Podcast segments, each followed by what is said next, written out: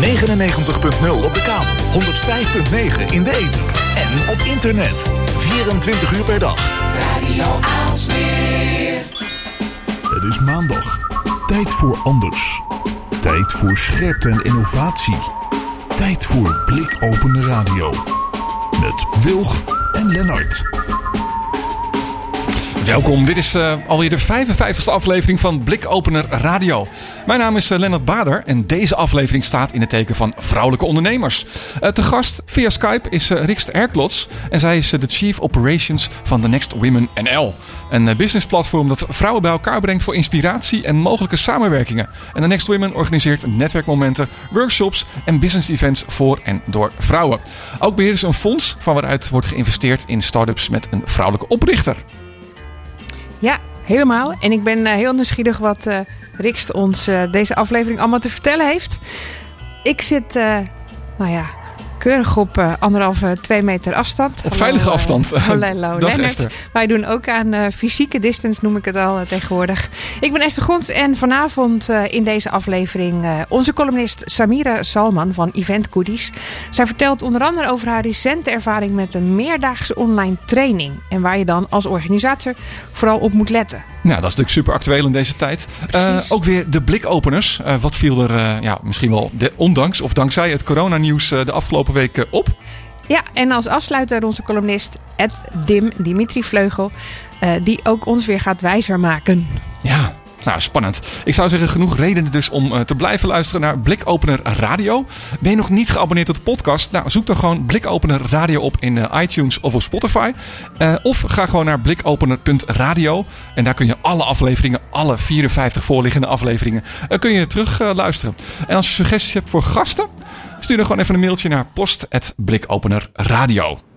Nou, dat is een hele mondvol en een mooie introductie van, van deze aflevering. Ja, nou, aan de andere kant van de lijn, uh, ook hele veilige afstand. of uh, aan de andere kant van onze uh, videocall. Want als je meekijkt, kunnen we elkaar ook gewoon zien. Is Rix Herklots. Rix, welkom in de uitzending. Hi, dank je. we tweaken even het geluid. misschien kan je vast beginnen met onze standaardvraag: wie ben jij en wat doe jij? Ja, ik ben uh, Rick Herklot, zoals uh, geïntroduceerd operationeel directeur van The Next Women. Uh, wat een netwerk is voor vrouwelijke ondernemers en investeerders. En sinds ruim een jaar heb ik de leiding daarover. En, en nou ja, misschien hadden wij het heel even kort uitgelegd, maar wat, wat, wat doen jullie precies dan? Met, wat is dat, een business platform? Wat doen jullie voor vrouwen? Ja, dus wij zijn uh, negen jaar geleden al begonnen. Uh, vanuit het uh, oogpunt dat het nodig is om vrouwelijke ondernemers af en toe net een iets duidelijker duwtje in de rug of helpende hand te bieden dan onze mannelijke collega's. Dat is helaas de afgelopen jaren ook steeds maar weer bewezen dat dat inderdaad nodig is dat we minder makkelijk toegang hebben tot financiering, een ondersteunend netwerk, coaching, begeleiding. Uh, eigenlijk een soort old girls network uh, is wat wij daarmee uh, begonnen zijn. En dat doen we door verschillende zaken te organiseren. Dus inderdaad één op één coaching en mentoring van jongere ondernemers, gekoppeld aan meer ervaren ondernemers en professionals. we hosten iedere maand meetups en we doen jaarlijks een aantal grotere zaken. Dus we hebben de afgelopen vier jaar een internationaal pitch competitie gehad. We doen ieder jaar de Next Women 100 lijst waarmee we zichtbaarheid geven aan de 100 meest succesvolle vrouwelijke ondernemers van Nederland. En de 50 Women to Watch, dus die uh, aanstormend talent zijn. Uh, en een, uh, een jaarlijks congres, een summit ter inspiratie en verbinding. Wauw, nou dat, dat is nogal wat. Dat is een hele lijst die je zo opzomt. Ik vond de term Old Girls Netwerk heel mooi. niet, niet het old boys uh, netwerk, maar gewoon. Uh, het klinkt een beetje als oude wijven, maar dat mag ik niet zeggen dan. ja, precies. Nee, dat, daar, daar wordt hij dan een beetje ingewikkeld, inderdaad. Als je hem op die manier gaat vertalen. Maar uh, ja, het is uiteindelijk wel dezelfde insteek. Hè? Mannen die doen dat sinds jaar en dag. Uh, zitten samen in uh, zakelijke clubjes, kennen elkaar van de studie, spelen elkaar bepaalde deals toe, promoties. Uh, wat heel logisch is, want dat doen we allemaal met mensen die we kennen. Mensen die we kennen, daar uh, zijn we sneller uh, toegeneigd om die te helpen dan totale vreemden. en dus is het aan ons om dat eigenlijk op eenzelfde manier ook voor vrouwen te, te creëren. Ja, want, want um, vanuit, vanuit welk, waaruit is dat eigenlijk gestart? Hè? Want er was natuurlijk niet heel veel, maar, maar je merkte natuurlijk vooral misschien bij, bij, bij startende ondernemers dat er, dat er dan wellicht minder toegang was tot dat soort dingen. Ja, ik ben het zelf niet begonnen. Dus het initiatief is gestart door Simone Brummelhuis. En zij is een van de medeoprichters van het uh, restaurantplatform eh, geweest. En zag inderdaad zelf heel erg vanuit die positie als uh, ja, ondernemer in, in early stage tech platformen een behoefte daar, daarvoor. En zij is dus ook begonnen door eigenlijk heel simpel bij haar thuis kitchen table dinners te organiseren. En een uh, interessante vrouw uit eigen netwerk uit te nodigen, een goede maaltijd op tafel te zetten en uh, een interessante groep vrouwen zo bij elkaar te brengen. En het is vanuit daar uh, zich verder gaan ontwikkelen, veel meer ook als contentplatform, informatieverschaffing. Eigenlijk de vrouwelijke tegenhanger van de Next Web. Ik weet dat een van de oprichters van de Next Web, Boris Veldhuizen, heeft ook de allereerste Next Women website gebouwd. Dus dat lijntje ligt daar ook. En zo is het zich steeds verder gaan uitbouwen. Dus op een gegeven moment inderdaad met die top 100 lijst begonnen om die zichtbaarheid echt duidelijker te maken vanuit die lijst uh, met het eerste fonds gestart om ook te gaan investeren. Vanuit het idee, ja, we kunnen de hele wereld vragen in vrouwen te investeren, maar we kunnen het ook zelf gaan doen. Maar, maar, hoe, doe je, nou, ik bedoel, hoe doe je dat? Hoe begin je een fonds? Ik, dat, ik vind nogal wat, want daar heb je geld voor nodig, toch? Ik bedoel, dat is niet iets wat je zomaar kan doen, nou, toch? Dat, nou, dat eerste fonds, dat, dat ging in die zin dus nog relatief makkelijk. Omdat we die top 100 lijst uh, al een aantal jaar deden. Dus we hadden inzichtelijk wie nou de redelijk goed verdienende vrouwen in Nederland waren. En op die manier, uh, ah. we hebben hen de eerste propositie voorgelegd. Dus ja, daar ja. zijn de eerste 40, 50 investeerders uitgekomen. En uiteindelijk hebben we dat verdubbeld door gewoon ook dat netwerk te activeren en hun eigen netwerken te activeren. Dus we zijn begonnen met een grote groep ondernemers en uiteindelijk zijn daar artsen, advocaten, uh, professionals nog bijgekomen. Dus het is een hele diverse groep geworden. Heel mooi. Uh, maar goed, dat is vanuit de passie eigenlijk van, uh, van Simone gestart, hè, zeg je al. Uh, hoe, hoe ben jij daar zo bij gekomen? Was dat ook jouw passie? Ben je, ben je zelf ondernemer? Uh, nou, inmiddels enigszins. Ik heb een uh, minderheidsbelang in de, in de onderneming uh, sinds, sinds een jaar. Dus ik nou ja, zie mezelf ook zeker als de ondernemer. Ik heb ook hier volledig de verantwoordelijkheid over deze tak van de organisatie. budgetverantwoordelijkheid en alles. Dus in die zin voel ik ook nu in coronatijd zeker de druk wel. Uh, en ik ben erbij gekomen, nou ja, eigenlijk meer ook via netwerk. Dus ik ben zelf, uh, ik was uh, vier, vijf jaar geleden afgestudeerd, op zoek naar een baan. werkte nog in de horeca daarnaast. Heb een x aantal maanden, nou vrij lang moeten solliciteren. Uiteindelijk ben ik als recruiter incident maar ergens aan de slag gegaan. Daar dacht ik wel op dag twee, moi, dit is het misschien niet. Wat, wat, heb je, wat heb je gestudeerd dan? Dat, dat het zo moeilijk was om aan een baan te komen? Ik heb uh, communicatiewetenschappen gestudeerd. Dat is op zich niet de ingewikkelde, maar daarnaast ook moderne kunst- en cultuurwetenschappen. En ik wilde heel graag in de culturele sector aan de slag. En dat was uh, nou ja, nogal ingewikkeld. Nou, begrijp ik inderdaad. Maar en, en uh, als je nog verder teruggaat, ehm, als, als klein meisje, wat wilde je worden vroeger? Ik wilde vroeger modeontwerpster of advocaat worden. Mooi. Het is niet helemaal gelukt, maar. ja, er zit, een stuk, er zit een stukje creativiteit in wat ik nu doe en, en opkomen voor. Dat voor is mensen. waar. Ja, tuurlijk. Ja. Oh, wat goed. Ja, goed. En, toen, en toen kwam je aan, aan een baantje bij, uh, bij Simone. En, en toen dacht je aan een tijdje: dit is het. Of hoe werkte dat?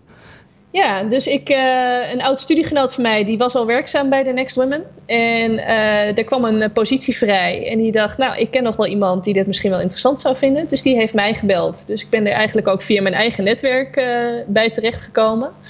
En toen zat ik hier en in eerste instantie was ik verantwoordelijk voor het jaarcongres. En toen was dat afgelopen en dat was een succes geweest. En toen was een beetje de vraag, what's next? en Simone wilde heel graag uh, uh, haar handen vrijmaken om na dat eerste fonds uh, eigenlijk een, een groter fonds op te gaan zetten. Een venture capital fonds, wat inmiddels ook gelanceerd is. Dus die zei van nou, als jij wil waarom krijg jij hier de leiding over? En toen dacht ik, nou, dat vind ik een mooie uitdaging. Ik vind de organisatie, uh, ligt me heel naar aan het hart, het onderwerp. Ik ben toch ook echt wel een, een rasfeminist. Uh, kom ook uit een gezin waarin mijn moeder altijd fulltime heeft gewerkt, mijn vader fulltime heeft gewerkt. Dus het is nooit bij mij een vraag geweest dat dat niet mogelijk zou zijn. Maar door te werken binnen deze organisatie en binnen dit onderwerp zie ik dat dat lang niet voor iedereen geldt. Dus in die zin heb ik zeker wel een, eh, een stukje passie gevonden. Ja, want dat, want dat vind ik wel mooi. Want jij, jij, jij zet zich dan in voor vrouwen. En inmiddels dat netwerk waar jij je dan voor inzet, is natuurlijk wat breder nu. Um, dan alleen ondernemers. Maar, want, want, volgens mij werken jullie nu, nu voor, voor heel veel ondernemingen. Uh, maar is, dat, is, is het iets wat nog nodig is? Ik hoor ook heel veel mensen zeggen van nou ja, ondertussen zijn we er toch wel. Maar, maar jullie vechten nog heel hard en hebben heel veel evenementen. Uh, is het nog nodig? Uh, nou ja, we hebben een, een redelijk uh, organische aanwas nog steeds van, van ondernemers die op zoek zijn naar hulp, een helpende hand, advies en die dan toch bij ons uitkomen.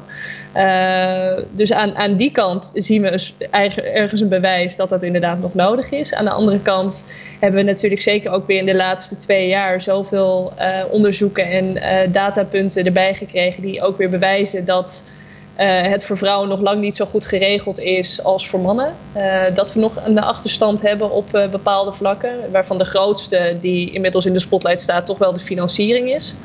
Hè, er ging in 2018 het onderzoek van, vanuit echt de venture capital kant, waarvan er maar gewoon 1,6% naar vrouwelijk ondernemerschap gaat. 1,6% maar, maar. Wauw. Ja. Dat is wel echt... Dat, Schok, schokkend. Ja, schokkend. ja. Ja, maar ook, ook bankair gezien. Uh, laatste rapportage die gaf aan dat op het moment dat vrouwen de weg naar de banken vinden, dan worden ze niet per se meer of minder afgewezen dan mannen. Maar vrouwen vinden die weg toch minder snel. Uh, we hebben afgelopen zomer zelf daarin een programma gedraaid met de drie grootbanken van Nederland. Dus de Rabobank, de ING en de ABN AMRO. Uh, om die brug beter te slaan. waarin we eigenlijk ook heel duidelijk naar voren kregen dat de grootste vraag uh, was, maar wat kan financiering nou eigenlijk betekenen? Dus er is gewoon nog best wel een, een knowledge gap in, uh, in, ondernemers, in ondernemerschap daarin. En ik weet, weet je, wij, wij weten dan op zich niet direct of dat nou voor mannen per se minder geldt dan voor vrouwen. Maar we zien wel dat die bij vrouwen ruim aanwezig is en dat er gewoon nog nieuwe maatregelen getroffen kunnen worden om dat te verbeteren. En omdat de mannen waarschijnlijk in heel veel grotere aantallen zijn, valt het misschien minder op dat die kennis daar procentueel gezien misschien ook minder aanwezig is. Zoiets. Ja, ja, dat zou kunnen. Of dat er uiteindelijk toch een, hè, een iets meer in, uh, informeel netwerk dan toch wel uh, al op zijn plaats is. Uh, hè, uit, uit recent onderzoek blijkt ook weer dat op het moment dat vrouwen netwerken, vrouwen dat vooral op een persoonlijk vlak toch doen. Dus die willen ook een persoonlijke relatie en connectie met iemand hebben. dus daar, gaat veel langere tijd overheen. En het strikt zakelijk netwerk en elkaar dus ook om favors, om diensten durven vragen of een helpende hand, dat doen wij niet zo snel. En dat, nou ja, dat, dat, dat zorgt er dan wel voor dat je op bepaalde vlakken gewoon heel lang in een uh, zelf aan het worstelen blijft. Terwijl als je nou net even weet waar je de, de kennis moet vinden of net iemand binnen de bank kent die wel zegt van nou, hè, als je het nou even zus of zo invult of uh, op die manier positioneert, dan, kun, dan kunnen we er wat meer mee. Dat, dat zijn gewoon hele, uh, ja, niet, niet strikt zwart-witte zaken die je zo kan oplossen, maar waar je met z'n allen wel uh, je van bewust moet zijn. Ja, en dingen die in een ondernemerswereld natuurlijk veel duidelijker naar voren komen dan, dan als je uh, een baan hebt. Dus, dus dat is ja. dan ook meteen heel zichtbaar zijn in jullie netwerk, denk ik. Ja, zeker. Ja, en dat, dat merk je toch ook. En dat is wel leuk om te zien, want we hebben dat programma gedraaid. Uh, en het uh, interessante daarvan was dat er evenredig aan het aantal ondernemers ook bankiers meededen. En dat dat dus best wel een, uh, een uitdaging was om die twee groepen met twee totaal verschillende achtergronden en beweegredenen uh, samen zo'n programma te laten volgen. Maar dat je dat vervolgens ook zag in de organisatielaag. Want dat waren ook twee ondernemende partijen met drie banken rond de tafel om dat ook bij elkaar te brengen. Dus je, je zit in een hele andere beleefwereld. En dat is nu zeker ook in, in, hè, in, de, in de huidige situatie. Uh, van rondom het coronavirus zo duidelijk dat, dat de ondernemers echt direct nou ja, in de problemen kunnen raken. Is, is het iets wat, um, want je noemde net al wat verschillen op hoe vrouwen, uh, heel generaliserend natuurlijk, dingen aanpakken versus hoe mannen dat soms doen. Um, is, zie je dat ook nu terugkomen in die coronacrisis? Zijn vrouwen misschien eerder geneigd om het, het, zelf op te lossen in plaats van hulp te roepen? Dat is een beetje wat ik net opmaakte uit wat je, wat je riep. Hè? Van... Ja.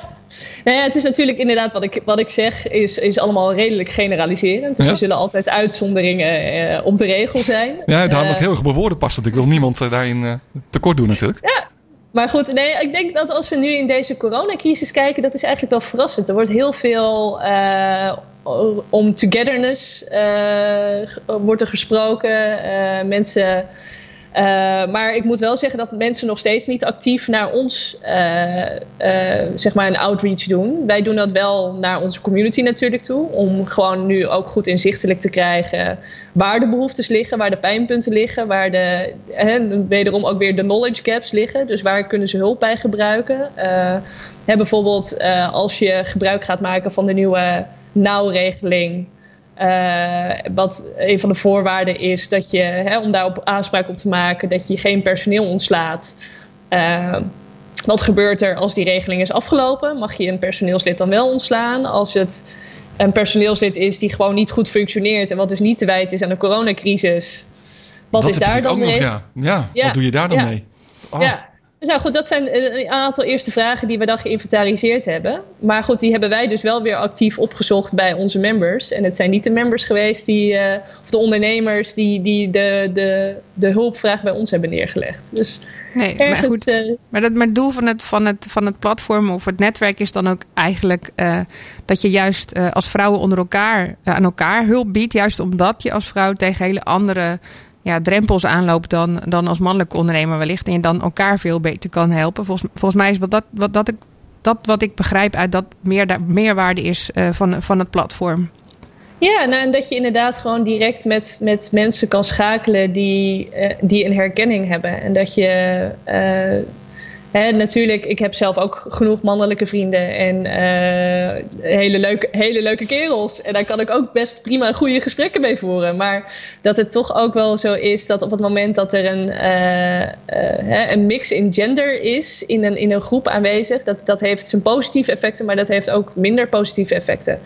Dus wij zeggen ook niet dat, dat mannen uh, binnen ons netwerk verboden zijn. Hè. Wij doen in, in, in, uh, op het moment dat je lid bent en je hebt een mannelijke compagnon, dan is die ook gewoon van harte welkom. Uh, wij, voor onze sprekers, experts, investeerders doen we ook altijd gewoon een beroep op, op de mannelijke kennis en know-how.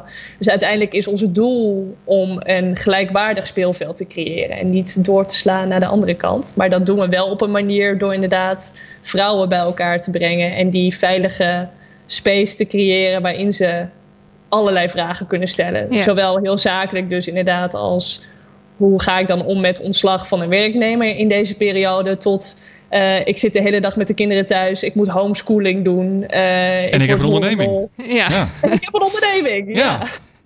nou ja, ik kan me voorstellen dat je bepaal, bij bepaalde vragen uh, makkelijker terecht bij, kan bij een vrouwelijke business coach. Uh, al is het maar een peer. Omdat, je, omdat er toch een nuance zit. En je, en je ja, niet altijd de goede terugkoppeling krijgt van misschien iemand die dat, die dat perspectief niet helemaal begrijpt. Dus ik vind het wel. Ja.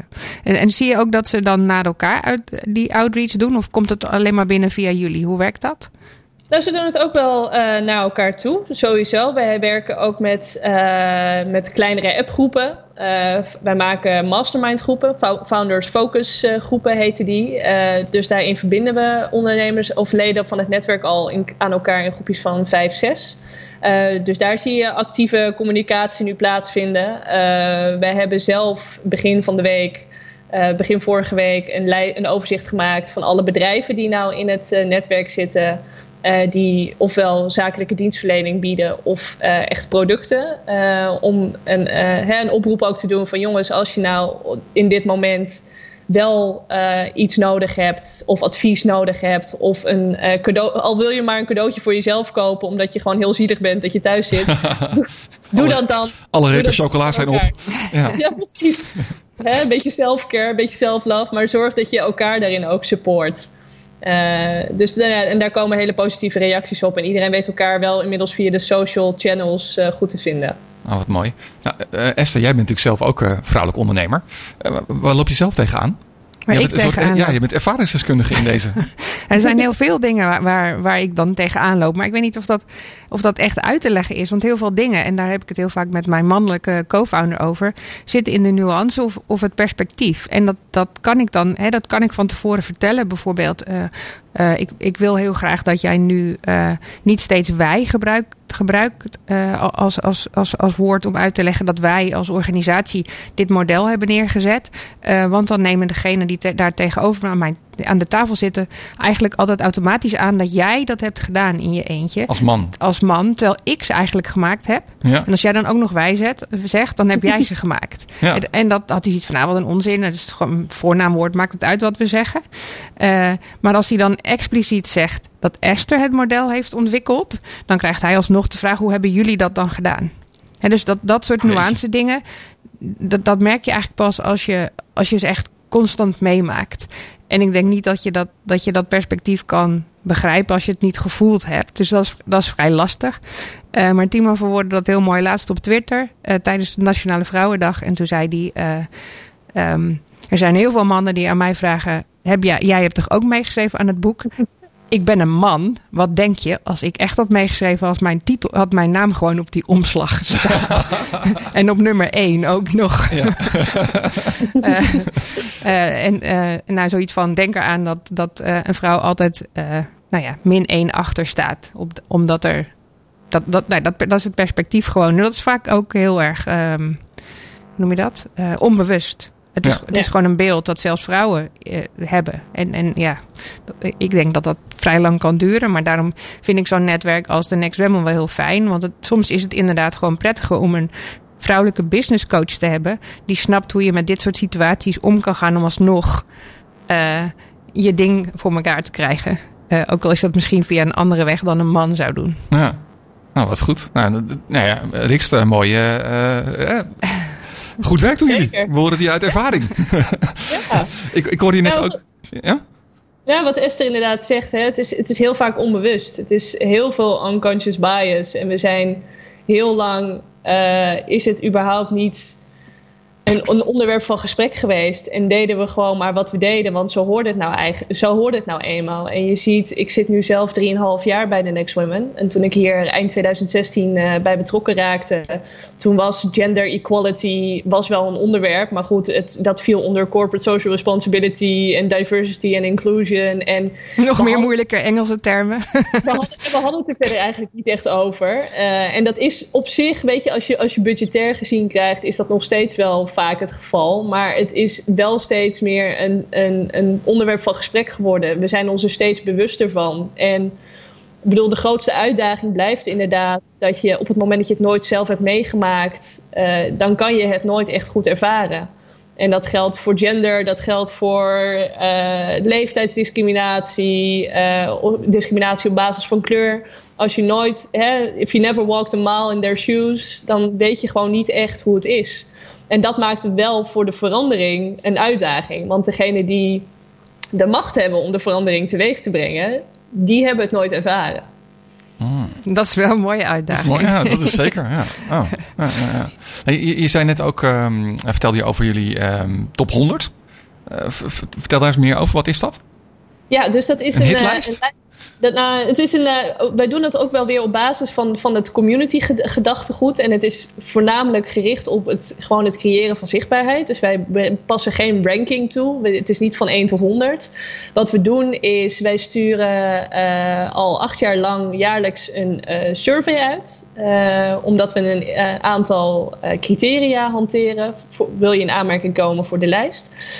die zijn we nu weer aan het herevalueren, omdat ze toch ook wel erg mannelijk zijn. Want we keken voorheen altijd naar omzet, uh, aantal personeelsleden, uh, percentage aandelen, wat nog in de handen was van de, van de vrouwelijke aandeelhouder. En uh, of je wel of niet. hoe lang je bedrijf al bestond of ja. bestaat. Ja. Uh, en daaromheen dan nog een x aantal zaken. Uh, ook om dat ieder jaar weer een beetje uh, te differentiëren. maar die survey die wordt ieder jaar uitgestuurd. En je moet hem ingevuld retour sturen om dus in aanmerking te komen überhaupt. Dus omdat we wel het op een neutrale manier dus willen controleren. Dus we doen ook niet aan jury. Het is geen populariteitswedstrijd. En op basis van de ingevulde surveys uh, stellen we dan uiteindelijk de, de definitieve 100 uh, eh, samen. En die verdelen we dan onder op basis van omzetcategorieën. Dus zo zit er wel iets van uh, gradatie in. zo is het niet gewoon 100 namen in het, onder elkaar en we zien wel. Maar ja. het, we hebben daar verder geen, geen, geen nummering in. En het is dus wel inderdaad bedoeld om gewoon te laten zien: kijk eens, de, de, hoeveel gave goede bedrijven er gewoon zijn in Nederland die door vrouwen geleid worden. Ja, met zoveel omzet. ze zijn er Mannen. dat, en, en uh, dat vond ik wel mooi. Je zei met, met hele mannelijke beoordelingsfactoren. Uh, uh, daar zijn jullie dan verandering aan het aanbrengen? Daar ben ik wel nieuwsgierig naar dan. Nou ja, dat, we zijn het aan het herevalueren. Dus de vraag is of we er veranderingen aan kunnen gaan brengen. Want wij, wij hechten er wel waarde aan dat het dus een, een objectieve lijst in dat principe is. Maar dus wat, wat zijn nou de waarden die veel meer gaan over vrouwelijk leiderschap en vrouwelijk ondernemerschap, die we op die objectieve manier ook kunnen beoordelen? Je zit al heel snel op impact, maar goed, hoe ga je impact meten en wat meet je dan? Uh, en hoe ver gaat dat? We hebben een keer een, uh, een, survey uitgestuurd en die had als onderwerp ook ambitie. Dus toen werd er gevraagd naar ambitie, maar een van de vragen die we daarin ook stelden was hoe innovatief ben je? Uh, hoe duurzaam is je bedrijf? En dan krijg je zo'n va variatie aan antwoorden dat de een die, die produceert inderdaad hè, duurzaam verpakkingsmateriaal en de ander vindt het duurzaam dat ze met z'n allen op de fiets naar kantoor komen. dus wat is, dan, wat is dan je maatstaaf? ja. ja. En dat is natuurlijk wel lastig. Dat wordt inmiddels wel makkelijker. Want er zijn natuurlijk ook veel meer andere bedrijven die met impact bezig zijn. Dus wie weet, komt er nog eens een keer een ander soort uh, ja. ja, het is wel iets wat, wat we dus. Uh, want de planning is om hem voor dit jaar ergens in oktober, november, afhankelijk ook van hoe lang dit allemaal uh, aanhoudt, uh, te gaan lanceren. Dus dat is iets waar we nu middenin zitten, wat dat moet gaan worden. En jij zegt, wij sturen een, een, survey rond. Betekent dat jullie actief zelf op zoek gaan naar, naar die, die eventuele mensen, top 100? Of, of hoe doen jullie dat? Via het netwerk? Hoe, hoe krijg je dat voor elkaar? We hebben, we hebben inmiddels een uh, lijst van zo'n uh, eh, 4000 contacten hier in Nederland. Uh, die eerder al de survey hebben ingevuld. dus die in, in theorie in aanmerking kunnen komen. Uh, en wat we ieder jaar daarnaast doen, is dat we bij het uitsturen van de survey en bij het promoten van de survey altijd vragen aan uh, iedereen om mensen te nomineren. Dus om zo ook weer aan uh, nieuwe namen te komen. En daarnaast doen we ook zelf actieve desk research. Dus we houden de hele jaar de kranten en de socials bij om nieuwe ondernemers waar we zelf nog niet eerder van gehoord hebben, er weer uit te vissen. Hm, wat goed. Uh, je zei net ook, of ik zei net in de aankondiging uh, Next Women NL. Uh, dat impliceert een klein beetje dat het ook een internationale variant kent. Klopt dat? Dat klopt. We hebben een chapter in Tunesië. Tunesië? ja. of all places zou je bijna zeggen. all places. Hoe dat zo? Uh, nou, dat is eigenlijk heel simpel. Dat is uh, de zus van Simone. Die uh, woont zelf al 18 jaar in Tunesië. Is van ah. huis uit event manager. En die heeft vier, vijf jaar geleden gezegd... nou, wat jij daar in Nederland hebt neergezet... daar zie ik hier eigenlijk ook wel een grote behoefte aan. kan ik niet een soort white label afnemen en het hier gaan draaien? Dus die is actief in Tunesië, Egypte, Libië... en helpt daar vrouwelijke ondernemers aan netwerk en aan connecties binnen banken, investeringsfondsen, coaching. Uh, nou, eigenlijk wat we hier ook doen. Ja, voor eventuele vrouwelijke ondernemers in andere landen. Dit is dus mogelijk. Klop aan bij uh, Rikst. Ja.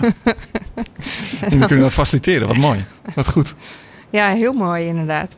Um, wat ik eigenlijk nog wilde weten, jij, jij hebt een mooie lijst uh, ingevuld hè, voor ons. Van, uh, uh, wat, wat wilde je vroeger worden? Ik weet het niet allemaal meer hoor. Je weet het niet allemaal meer. nou, er stond bij je vraag je favoriete website. Een website die ik niet helemaal uit kon spreken. Maar dat kwam misschien omdat ik niet weet, wist welke letters nou bij welk woord hoorden.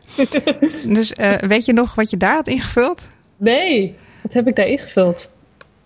Ja, volgens mij is het, ja, het is of iets met art, maar het kan ook zijn dat het de sartorialist is. De, de sartorialist, ja. ja.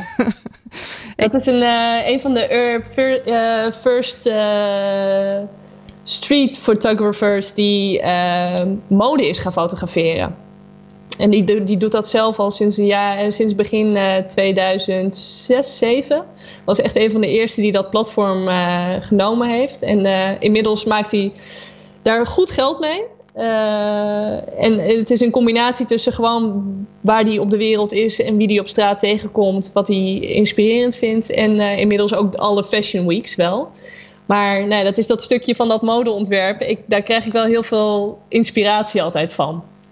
Dus dat zit er, dat zit er bij jou nog goed in, eh, in je creativiteit. Ja, ja. Dan snap ik ook waar je liefde voor mooie kleurtjes en stofjes vandaan komt. Ja. Gaaf, uh, Rikst. nou, dankjewel voor, uh, voor je openheid en uh, dit mooie gesprek. Als mensen er meer over willen weten, waar kunnen ze terecht? www.thenextwomen.com of ze kunnen mij altijd een berichtje sturen. En dat is, mijn mailadres is rikst, R-I-X-T, at thenextwomen.com. Hartstikke mooi. Nou, Rikst, dankjewel. Um, en natuurlijk ook terug te luisteren via um, blikopener.radio. Uh, um, we gaan even snel een uh, kort muziekje doen en dan gaan we doorschakelen naar onze columnist Samira Salman.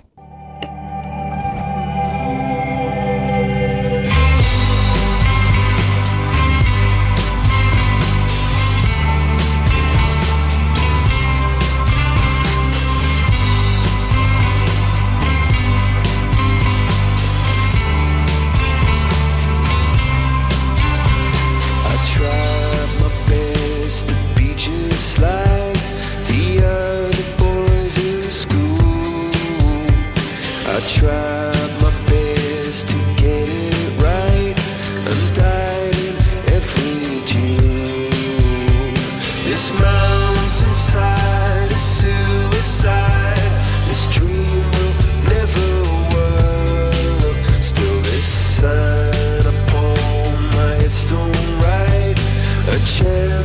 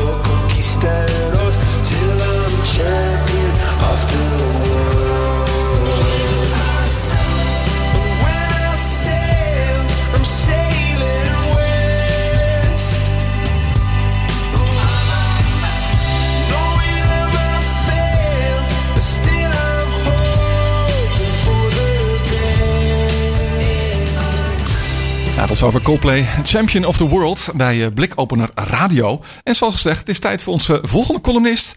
Aan de lijn hebben we Samira Salman. Samira, hallo. Hey, hallo. Nou, het fijn dat je ook jij weer uh, luid en duidelijk te horen bent bij ons in de uitzending van, van Blikopener. voor mensen die jou niet kennen, wie ben je, wat doe je? Uh, ik ben Samira Salman en uh, sinds vijf jaar heb ik een platform dat heet Event Goodies. En daarmee inspireer ik mensen die zakelijke evenementen organiseren en help ik ze om het leuker en beter te doen. Nou, wat goed. Ja, dat, dat zijn niet de makkelijkste tijden op dit moment, zou ik zeggen. Nee, het ligt helemaal plat. Ja, uh, maar dat brengt je, ook, dat brengt je ook, bracht je eigenlijk ook meteen weer op het onderwerp van je column, toch? Het is inderdaad een heel mooi bruggetje. ja, um, ik heb vorige week een, er stond een training gepland. Uh, uh, die stond al gepland voordat het uh, allemaal gecanceld werd. En um, nou, eerst zou het nog deels um, op locatie plaatsvinden voor de mensen die dat prettig vonden. en deels online. Uiteindelijk hebben ze toch gewoon besloten om alles online te doen. Dus ik heb een, voor het eerst een driedaagse training online gevolgd. En ja, we hebben allemaal wel eens een webinar van een uurtje of zo. Maar eigenlijk heb ik nog nooit veel langer dan dat uh, iets meegemaakt. Dus ik was eigenlijk wel heel benieuwd hoe dat zou gaan. Nou. En uh, ik dacht, ik ga even delen hoe ik het als bezoeker ervaren heb. En een paar tips als organisator. Ik heb het natuurlijk zelf niet georganiseerd. Maar um, uh, ik heb wel wat meegekregen daarvan. Um, ja, in ieder geval wat ik heel fijn vond eraan is dat het gewoon lekker thuis is. dat is best wel zen, want een, een training is best wel vermoeiend. En um, dan heb je pauze eindelijk. En dan gaan mensen natuurlijk met elkaar socializen en netwerken. Zeker op, op zakelijke trainingen. Dus ik vond het gewoon heel lekker om gewoon die laptop dicht te klappen. en gewoon even bij te tanken. Dus dat was wel heel zen. Uh, ik wil niet zeggen dat ik niet van socializen hou. Hè, maar het, het, het, het, heeft allebei voor- en nadelen. Uh, maar dat vond ik wel heel lekker. Um, een nadeel is wel dat je, um, dat vond ik tenminste, de trainer vond het heel fijn dat ze de deelnemers kon zien. Want dan weet ze ook of het aankomt wat je vertelt. Um, dus we moesten in beeld blijven. Je mocht niet uh, het beeld uitdoen. Dus je, moest, je zat even tegen jezelf aan te kijken. Dat vond ik een beetje wennen. um, en uh, je kan ook niet zomaar weglopen, zeg maar. Nee. Kan wel, maar het is gewoon niet echt heel erg netjes. Dus je moest wel. Ja, in het begin was ik wel heel erg afgeleid over hoe mijn haar zat. en hoe ik erbij zat. Maar daar weet je dus wel aan. Ja, maar hoe, um, hoeveel deelnemers waren er? Twaalf. Twaalf, oké. Okay, nou, dat is best een aardige, aardige groep. Ja. Ja, en um, ja, techniek is wel een dingetje. Dus er was bijvoorbeeld iemand bij die uh, heel slecht verbinding had. En af en toe, dat wist ik dus niet. We deden dit via Zoom. En dan heb je ook breakout sessies. Juist, ja, klopt. Ja, dat vond ik echt uh, uh, interessant. Um, wat wat zijn dat? Voor mensen die dat niet ja, weten? Ja, dus in de, met z'n twaalf is dan zeg maar de, de grote zaal. Zeg maar. Ja. En daar zit je met z'n allen in. En daarna moesten we soms, en in tweetallen moesten we een opdrachtje doen. Ah. En dan kwam je in een aparte kamer waar de rest niet bij zit. En dan zit je gewoon ook zonder uh, de trainer. Uh, moest je dus eventjes een opdrachtje uitvoeren. Ja, en die trainer kan vanuit de Zoom kan die, die, kan die de deelnemers dan uh, in die aparte ruimte zetten en ook weer terughalen naar de grote groep. Ja, en je kan ook de trainer erbij roepen als je er even niet uitkomt. Meester, meester, vinger omhoog. Ja, ja, dat is echt wel heel grappig. Um, even denken, ja, dus dat was. Ja, ik, en ik moet zeggen, want ik dacht van, nou, misschien is het dan lastiger om de verbinding aan te gaan met elkaar. Uh, maar het was een soort, ja, het was een soort business coaching, sales-achtige training. Um, en iedereen deelde gewoon waar ze tegenaan liep en zo. En er ontstond echt wel connectie met elkaar. Er waren best wel persoonlijke verhalen ook gedeeld. En we hebben gelachen, we hebben gehuild. Het was eigenlijk wel... Dat, ik dacht dat het wat minder zou zijn, maar dat was er eigenlijk wel. Hmm. Uh, alleen het einde was een beetje gek. Dan heb je drie dagen met elkaar doorgebracht. Ook tot half tien. S'avonds trouwens. Twee, de eerste twee dagen. Dus het was echt hele lange dagen. Um, ook wel langere pauzes. Maar aan het einde wil je dan wel een soort van afscheid nemen en knuffelen of zo. Maar dat kan dan niet. Nee, dat, dat is wel raar. Ja. uh, dus dat was een beetje gek. Ze van nou oké, okay, doei. Weet je wel. Um, ja, dus was, dat was, dat, was dat vol te houden? Want hè, ik, ik, ik merk zelf dat uh, ik zit de hele dag in online sessies. Uh, ik faciliteer ze ook, maar dat het veel vermoeiender is om online te zijn. Was dat, hoe, want je hebt, je hebt drie volle dagen in sessies gereden, tot, Ja. tot heel laat s'avonds. Als het dan de hele dag is, dat, is dat dan die video aan of hoe werkt dat? Ja, goede vraag. In principe staat uh, de hele tijd video aan. En wat ze wel uh, deed, en dat, dat komt ook zo bij die tips voor als je zoiets wil organiseren, is dat, ze, dat er wel langere pauzes waren. Dus er waren een lunchpauze van anderhalf uur. Twee uur, weet ik niet meer. Eh, anderhalf uur volgens mij. En dan s'avonds met etenstijd zeg maar twee uur. Uh, dus dat je wel echt eventjes gewoon kan lopen en bewegen. En tussendoor energizers waar we eventjes moesten springen. Ja. uh, en ook eventjes af en toe vijf minuten plaspauze. Omdat je... Uh, nou ja, omdat sommige oefeningen wel belangrijk is dat je die meekrijgt. Uh, en dus heeft ze wat vaker kortere pauzes tussen gedaan. Ook even polsen bij de deelnemers van hebben jullie daar nu behoefte aan? Um, maar het was eigenlijk best wel vol te houden. Je, je klinkt heel verrast. Had je niet verwacht van tevoren? Ik had het niet verwacht, nee. Nou, nee ik dacht, jeetje, hele dag, drie dagen achter de computer. Dat is toch wel. Dat doe ik normaal ook, maar dan ben je gewoon bezig en heb je het niet zo door. Ja, het is misschien veel, hè, dat heel veel mensen natuurlijk uh, voor het hele corona-verhaal dachten van ja, maar uh, uh, thuiswerken, dat kan ik helemaal niet. Of zo'n on, allemaal online, dat gaat allemaal niet. En zo. En terwijl als je er nu toe gedwongen wordt, dat het eigenlijk misschien wel meevalt. Als ik jou ook zo ja. hoorde hierover. Wat, ja, en ik moet. Ja? Nee, ik vroeg me af, was er dan ook van tevoren een... Uh, wij hebben bijvoorbeeld een soort regelboekje die we vooraf met elkaar doornemen. Van uh, als je wat wil zeggen, dan doe, doe dan de raise hand functie uh, in yes. Zoom. dat ah. we niet door elkaar gaan praten, dat soort dingen. Dus is blijkbaar een algemeen dingetje. Ja, dus dat, dat, ik zal overgaan naar de tips vanuit de organisatie. Mooi bruggetje, mooi bruggetje. Ja, ja, ja jullie zijn daar echt heel goed in. um, uh, ja, ze deed dus echt wel, ze nam wel de tijd. Ze heeft, ze, de, de trainer had wel ervaring hiermee, maar niet zo intensief volgens mij. Ook niet zo heel vaak gedaan. Dus ze had wel wat dingen voorbereid. En ik vond eigenlijk dat ze het heel goed deden. Uh, maar ze heeft volgens mij echt wel een kwartier of zo, misschien wel langer, uh, regels uitgelegd. En ons ook uitgelegd als bezoeker of deelnemer dat is, het is voor de, ons natuurlijk ook nieuw. Uh, dus inderdaad, als je een vraag wil stellen. Of nee, soms deed ze gewoon een check van begrijpen jullie of kunnen jullie het volgen? En dan moesten we allemaal ons hand opsteken. Dat vond ik ook wel een goeie. Hm, dat is natuurlijk als organisator even fijn dat je niet maar blijft babbelen en gewoon eventjes kan polsen of alles goed gaat. Um, dat kon je ook gebruiken voor als je een vraag wil stellen of een soort time-out uh, seintje kon je doen. Um, inderdaad, ook als je dus even behoefte had aan een pauze of als even iets niet goed ging, dat je dat gewoon allemaal in de groep kon gooien. Ze had het ook. Um, een assistent, nou, of een medetrainer, hoe je het moet noemen, die, uh, aan wie je de technische vragen kon stellen. Dus bij haar de inhoudelijk en bij hem voor alle technische problemen. Um, dat is wel, denk ik, echt nodig, anders is het niet te doen. Ja. Um, even denken, ja, en wat ik ook wel merkte dat het wel echt belangrijk was, en dat ging 9 van de 10 keer goed, maar soms even niet. Tenminste, in ieder geval voor mij vond ik dat belangrijk, dat als je de breakout ingaat, dat je als trainer vooraf zegt: we gaan nu de breakout in. Jullie krijgen ieder 10 minuten, dus per duo, uh, om een vraag te beantwoorden. Um, ik geef tussendoor een wissel aan, bijvoorbeeld. En ik merkte dat als ze dat een keertje vergeten, dan raakte ik helemaal verslag van: oh ja, dan moet ik nou zelf de timing bijhouden. Gaan ze het nou doorgeven of niet? dus het is wel handig als je dat dan uh, meegeeft. Um, ja, en dat is het eigenlijk. En ik denk ook wel, wat ik ook wel mooi vond, is dat ze heel erg inspeelden op ons als groep. Dus het is inderdaad twaalf man, dus niet super groot, ook niet heel klein, maar ook gewoon aangeven lukt dit? En ze zegt ook, ja, sommige oefeningen werken eigenlijk veel beter in het echt, maar ik ga het toch maar eventjes uitleggen. Dus dat we ook wel begrip hebben van dat dingen een beetje anders gaan dan anders. Ja. Um, maar ja, ik vond het echt wel een mooie ervaring en een mooie aanvulling. Wat ik ja, hoop, of hoop, uh, dat het na de coronatijd uh, ook echt als optie gezien kan worden. Dat het gewoon ook best wel handig kan zijn. Een blijvertje wat jou betreft. Het is echt een blijvertje, ja. Nou, wat goed. Wat een mooie, mooie conclusie. Um, ja. Als mensen um, meer over jou willen weten, waar kunnen ze terecht? Kunnen ze het beste naar eventgoodies.nl gaan. Hartstikke mooi. Samira, dankjewel hè. Jullie ook. Doei.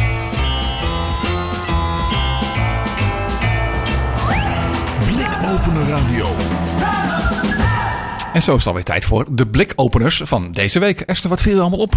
Nou, een heleboel natuurlijk. Want, uh, kon, kon, je wel door de, de bomen het, het, bos zien? Qua, uh, het was zoveel corona natuurlijk. Ja, kan je, kan je dan nog wel iets anders zien dan corona? Nou, ik heb natuurlijk zelf uh, ook een heleboel gedaan online. Dus je komt vanzelf leuke dingen tegen. Want net als Samira zit ik ook hele dagen in online meetings.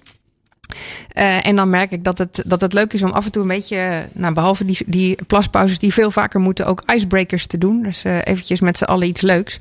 En daarin helpt, helpt mij uh, heel erg de Snap Camera. De Snap Camera? Ja, de Snap Camera. oh, camera. Iedereen kent natuurlijk Snapchat. Ja. en ik heb altijd erg veel lol met de Snapchat filters. en nu heeft Snap, ook, Snap chat ook gewoon een Snap Camera die je kan downloaden. En als je die dan gedownload hebt en op je computer hebt staan, dan kan je binnen bijvoorbeeld Zoom, maar ook andere uh, videocall. Uh, uh, Eigenlijk alles wat je webcam gebruikt. Is ja, dan kan, je, dan kan je dus kiezen welke camera gebruik jij. Nou, dan kan je bijvoorbeeld kiezen de camera in mijn laptop of de camera die uh, op mijn tweede scherm zit. Hè. Dus dan kan je, dat kan je kiezen. Als je Snapcamera hebt geïnstalleerd, kun je ook de Snapcam kiezen. En dan kan je gewoon alle Snapchat filters die aanwezig zijn tijdens je call gebruiken. Dus zit je gewoon lekker met je roze konijnen oren, met je klanten in de, oh jee. In de nou, videocall. Nou, we gaan bijna nieuwsgierig zijn of onze columnist Dim dat zo meteen gaat gebruiken. Maar dat. Uh, nou, ik had hem ook even aangeraden aan een aantal leraren die uh, toen aan het opnemen ja. waren. Nou, een aantal vonden dat leuk. En anderen zeiden: nee, wij moeten serieus aan de slag. Ja, dus dat, dat kan waar. echt niet. Dat ja. is natuurlijk ook weer zo. Ja. Maar het maakt voor jou net soms even wat leuker. Ja. Iets, iets meer. Gewoon even aandoen en kijken of mensen opletten en er wat van zeggen. Dat werkt ook gewoon reus. Dat is waar. um, ja, dat, is, dat was mijn tip. Verder vond ik het wel interessant dat er een Canadees bedrijf is. Dat heet Blue Dot IA.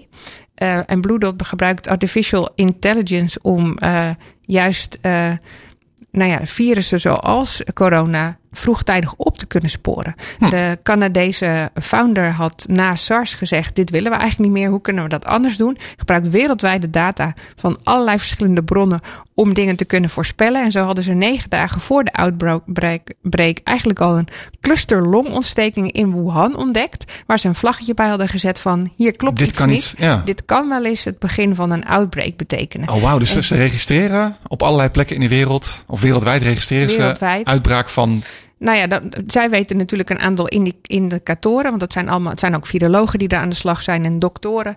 En aan de hand daarvan kunnen zij uh, zeggen van nou, dit zou wel eens iets kunnen zijn. En zo konden ze aan de hand van uh, ticketverkopen eerder, is, zeg maar vanuit de geschiedenis, ook voorspellen wat de eerste steden zouden zijn waar het naast uh, Wuhan zou kunnen uitbreken. Wauw. Dus ook voor, van vliegtuigticket sales bijvoorbeeld. Ah, op die manier. Ja. Dat ze gewoon weten van mensen gaan daarheen, dus grote kans dat het verspreid wordt. Precies, ja. Jeetje. Uh, ticket, deze, deze tickets zijn al verkocht in die timeline. Dus wij denken dat het hier en hier als eerste gaat uitbreken. En zo konden zij dus ook al waarschuwingen doen voor een aantal grote bedrijven.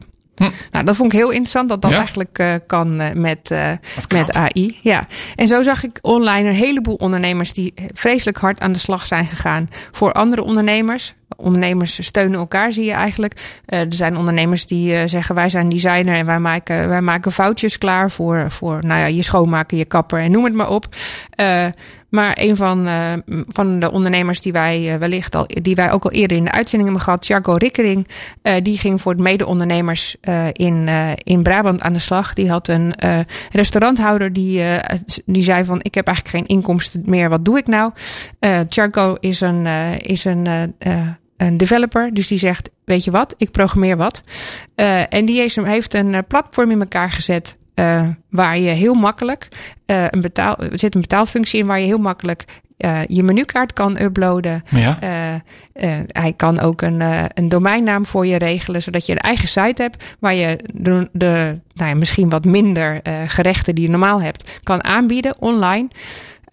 Hij heeft ook hele veilige afhaalslots inge, ingezet. Dus dat je niet allemaal tegelijk komt om af te oh, halen. Oh, en zo kan oh, je wow. als restaurant toch nog blijven draaien. En hij heeft ervoor gezorgd dat, dat het restaurant in de buurt waar hij dat in eerste instantie voor heeft uh, opgezet, ook eigenlijk een gewone omzet heeft gedraaid. En hij was het was binnen negen dagen waren zij weer up en, up en running door Gewoon dat platform. omzet, wauw. Ja. Oh, dat is knap. En uh, nu heeft hij gezegd dat platform zet ik ook open. Dus dan uh, kunnen andere ondernemers er ook gebruik van maken. Want dat is heel makkelijk. Hij heeft het zo gemaakt dat er dus heel makkelijk uh, dingen gekoppeld kunnen worden aan je rekening. Hij gebruikt Molly. Nou, dat is dan een, een, een koppeling die, die Betalen, Ideal gebruikt om ja? te betalen. Zodat je gewoon via de app kan betalen. Uh, dat je een, een e-mailtje krijgt voor de, voor de ophaalservice. Nou, eigenlijk heel simpel om je menukaart te zetten, op te zetten. En toen vroeg ik aan Jarko, jongens, hoe heet dit? Waar kunnen anderen dit vinden? en toen werd het wat moeilijker. En toen werd het wat ingewikkelder, want het heet, uh, het heet halen. Ja. Ik spreek dat natuurlijk helemaal niet goed uit, want het is, het is natuurlijk hartstikke Brabants. Brabants. ja, het is H-O-A-L-E.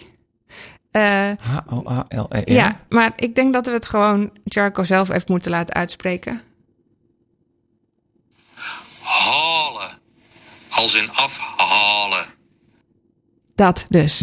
en als je daar nou even heen gaat, het Ja. staat ook al online. Halen. Ja, dan kun je, dan kun je heel makkelijk uh, als restaurant om tijdelijk uh, afhalen ook, uh, nou ja, zorgen dat je toch omzet draait uh, de, in deze tijd. En, en dat jouw klanten eigenlijk gewoon ook nog steeds van jou kunnen genieten. Hmm, nou, wat een goed idee. Ik bedenk me net dat ik vanavond gewoon bij onze favoriete eetgelegenheid de pizza afgehalen. Ik vind het een goed idee. Oh, dat kan natuurlijk ook Ja. gewoon. Ja. We kunnen er niet heen, Af, maar afhalen. afhalen. ja. Tjarko zei wel dat hij misschien... hè, Hij zet dat nu gewoon open landelijk. Dus zijn er restaurateurs die denken... oh, dat is handig. Ga daar gewoon even kijken. Maar hij zei... misschien moet ik dan voor de regio Amsterdam... een andere domeinnaam verzinnen. Ja. Maar ik weet niet hoe we dat moeten uitspreken dan. Oh, ehm, oppikken. We gaan Dim zo meteen vragen hoe dat op zijn Rotterdam zou zijn. Oh, dat vind ik ook wel een goeie. Oppikken of zo. Ja.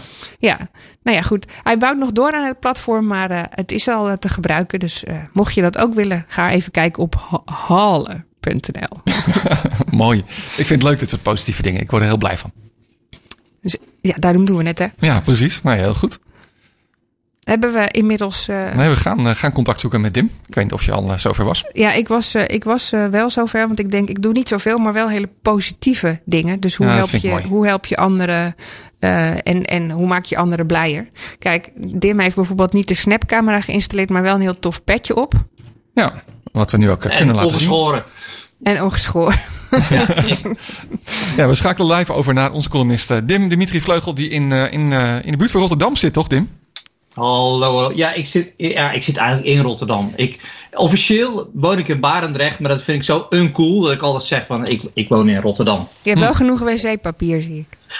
Ja, maar dat, luister eens, ik veeg nog liever mijn reet of met mijn hand dat ik uh, wc-papier ga hamsteren. Dat vind ik echt de meest kansloze actie. Ik schaam me echt voor de mensheid. Ik zou willen dat we met z'n allen dolfijnen werden. Wat een kansloos iets was dat. Hè?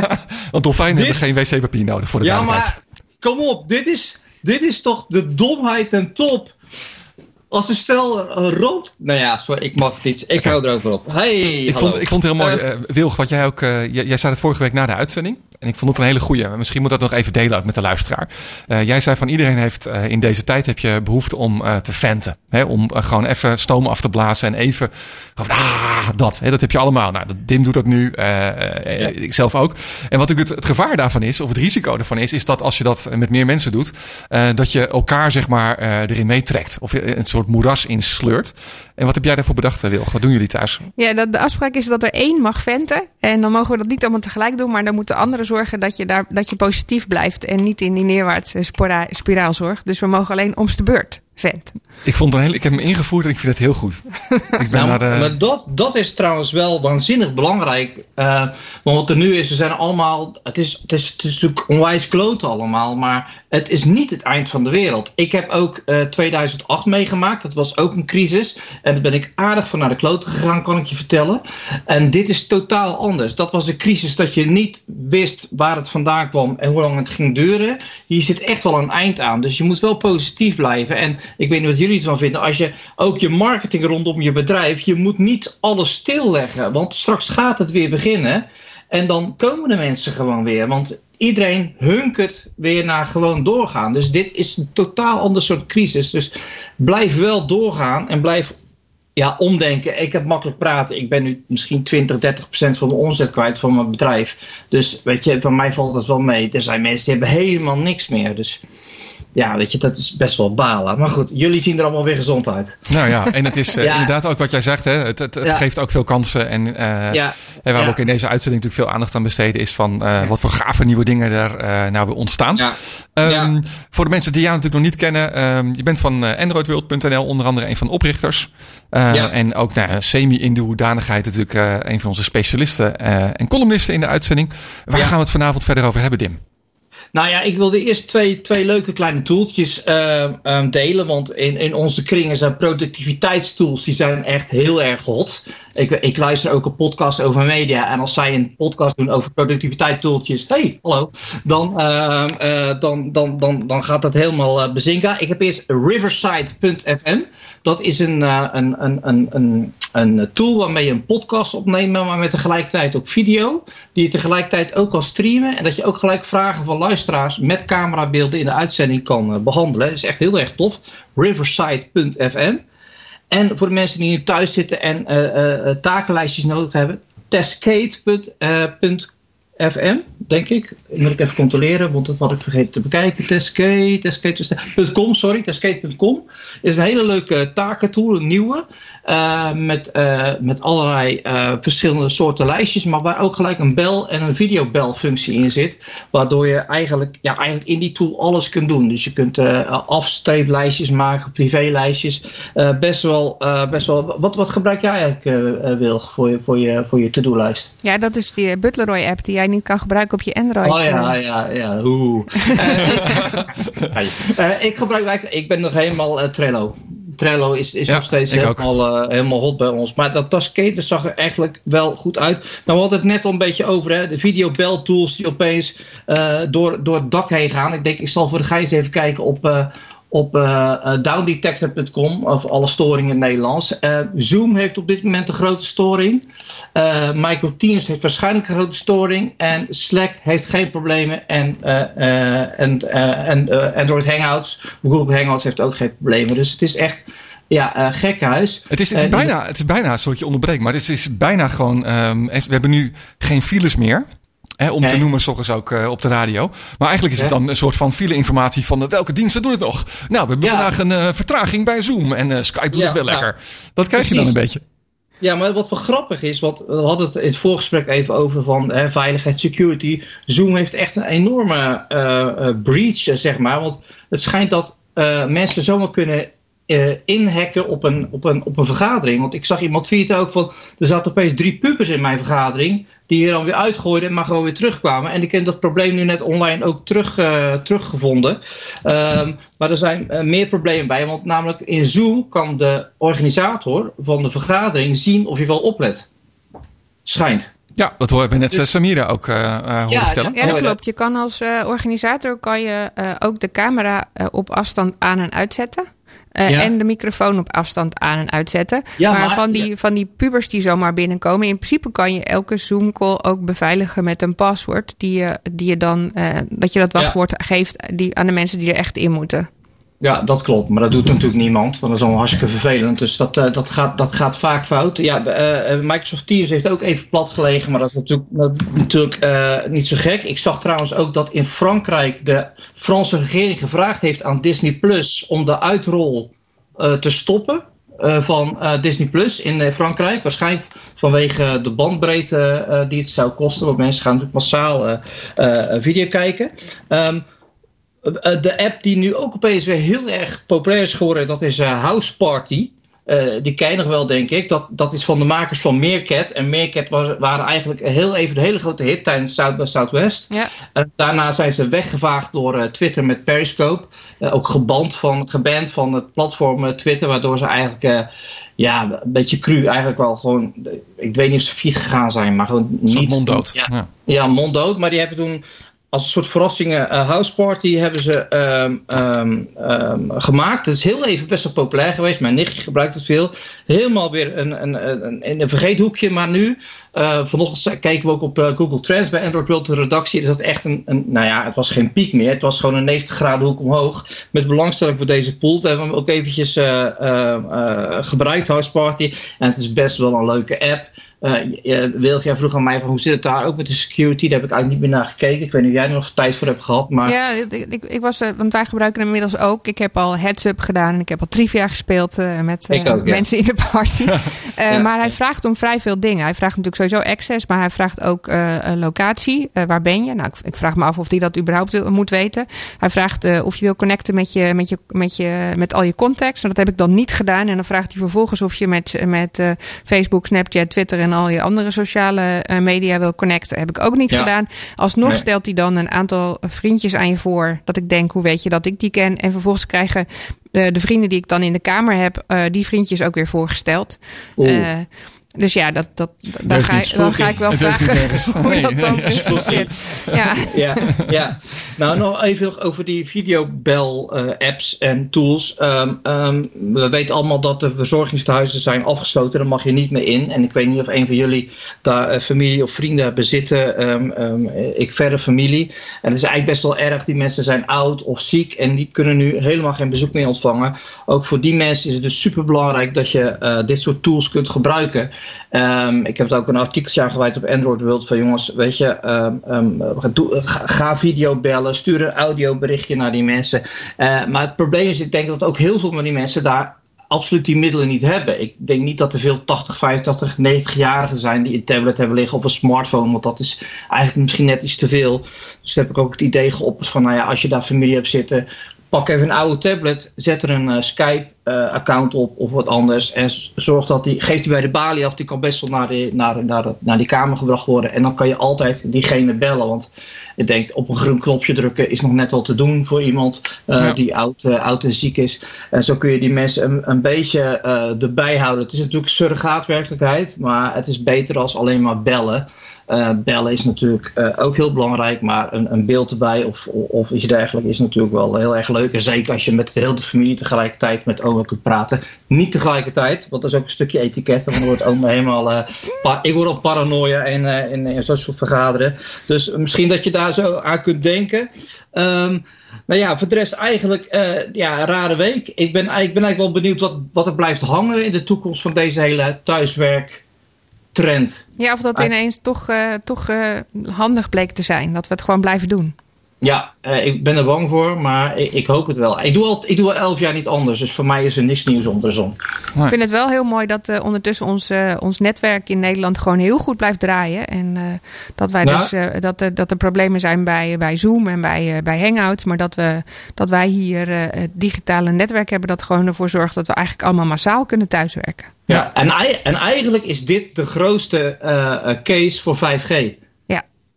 Want 5G geeft ons 100 keer zoveel capaciteit, veel meer snelheid, veel beter beeld. Dus eigenlijk moeten de, de, de Vodafones dit gaan gebruiken om hun 5G-abonnementen straks uh, te verkopen. Heel goed, hey Dim, dankjewel voor je bijdrage weer. De tijd zit er alweer op. Um, tot zover uh, een blikopener radio van, uh, van deze week. Volgende week hebben we uh, weer een interessante gast. dat is namelijk... Dat is Felix van den Horst, een van de oprichters van Clarify. En deze start-up helpt het ziekteverzuim voorkomen... en welzijn in kantoorgebouwen te verbeteren door slimme software. En sensoren. Dus ik ben accessoren. Je erbij hebben. ja. maar ik ben heel benieuwd hoe ze dat gaan doen. En daar gaan we volgende week met, met Felix over praten. Dus luister ook dan weer naar Blikopener Radio. Fijne week.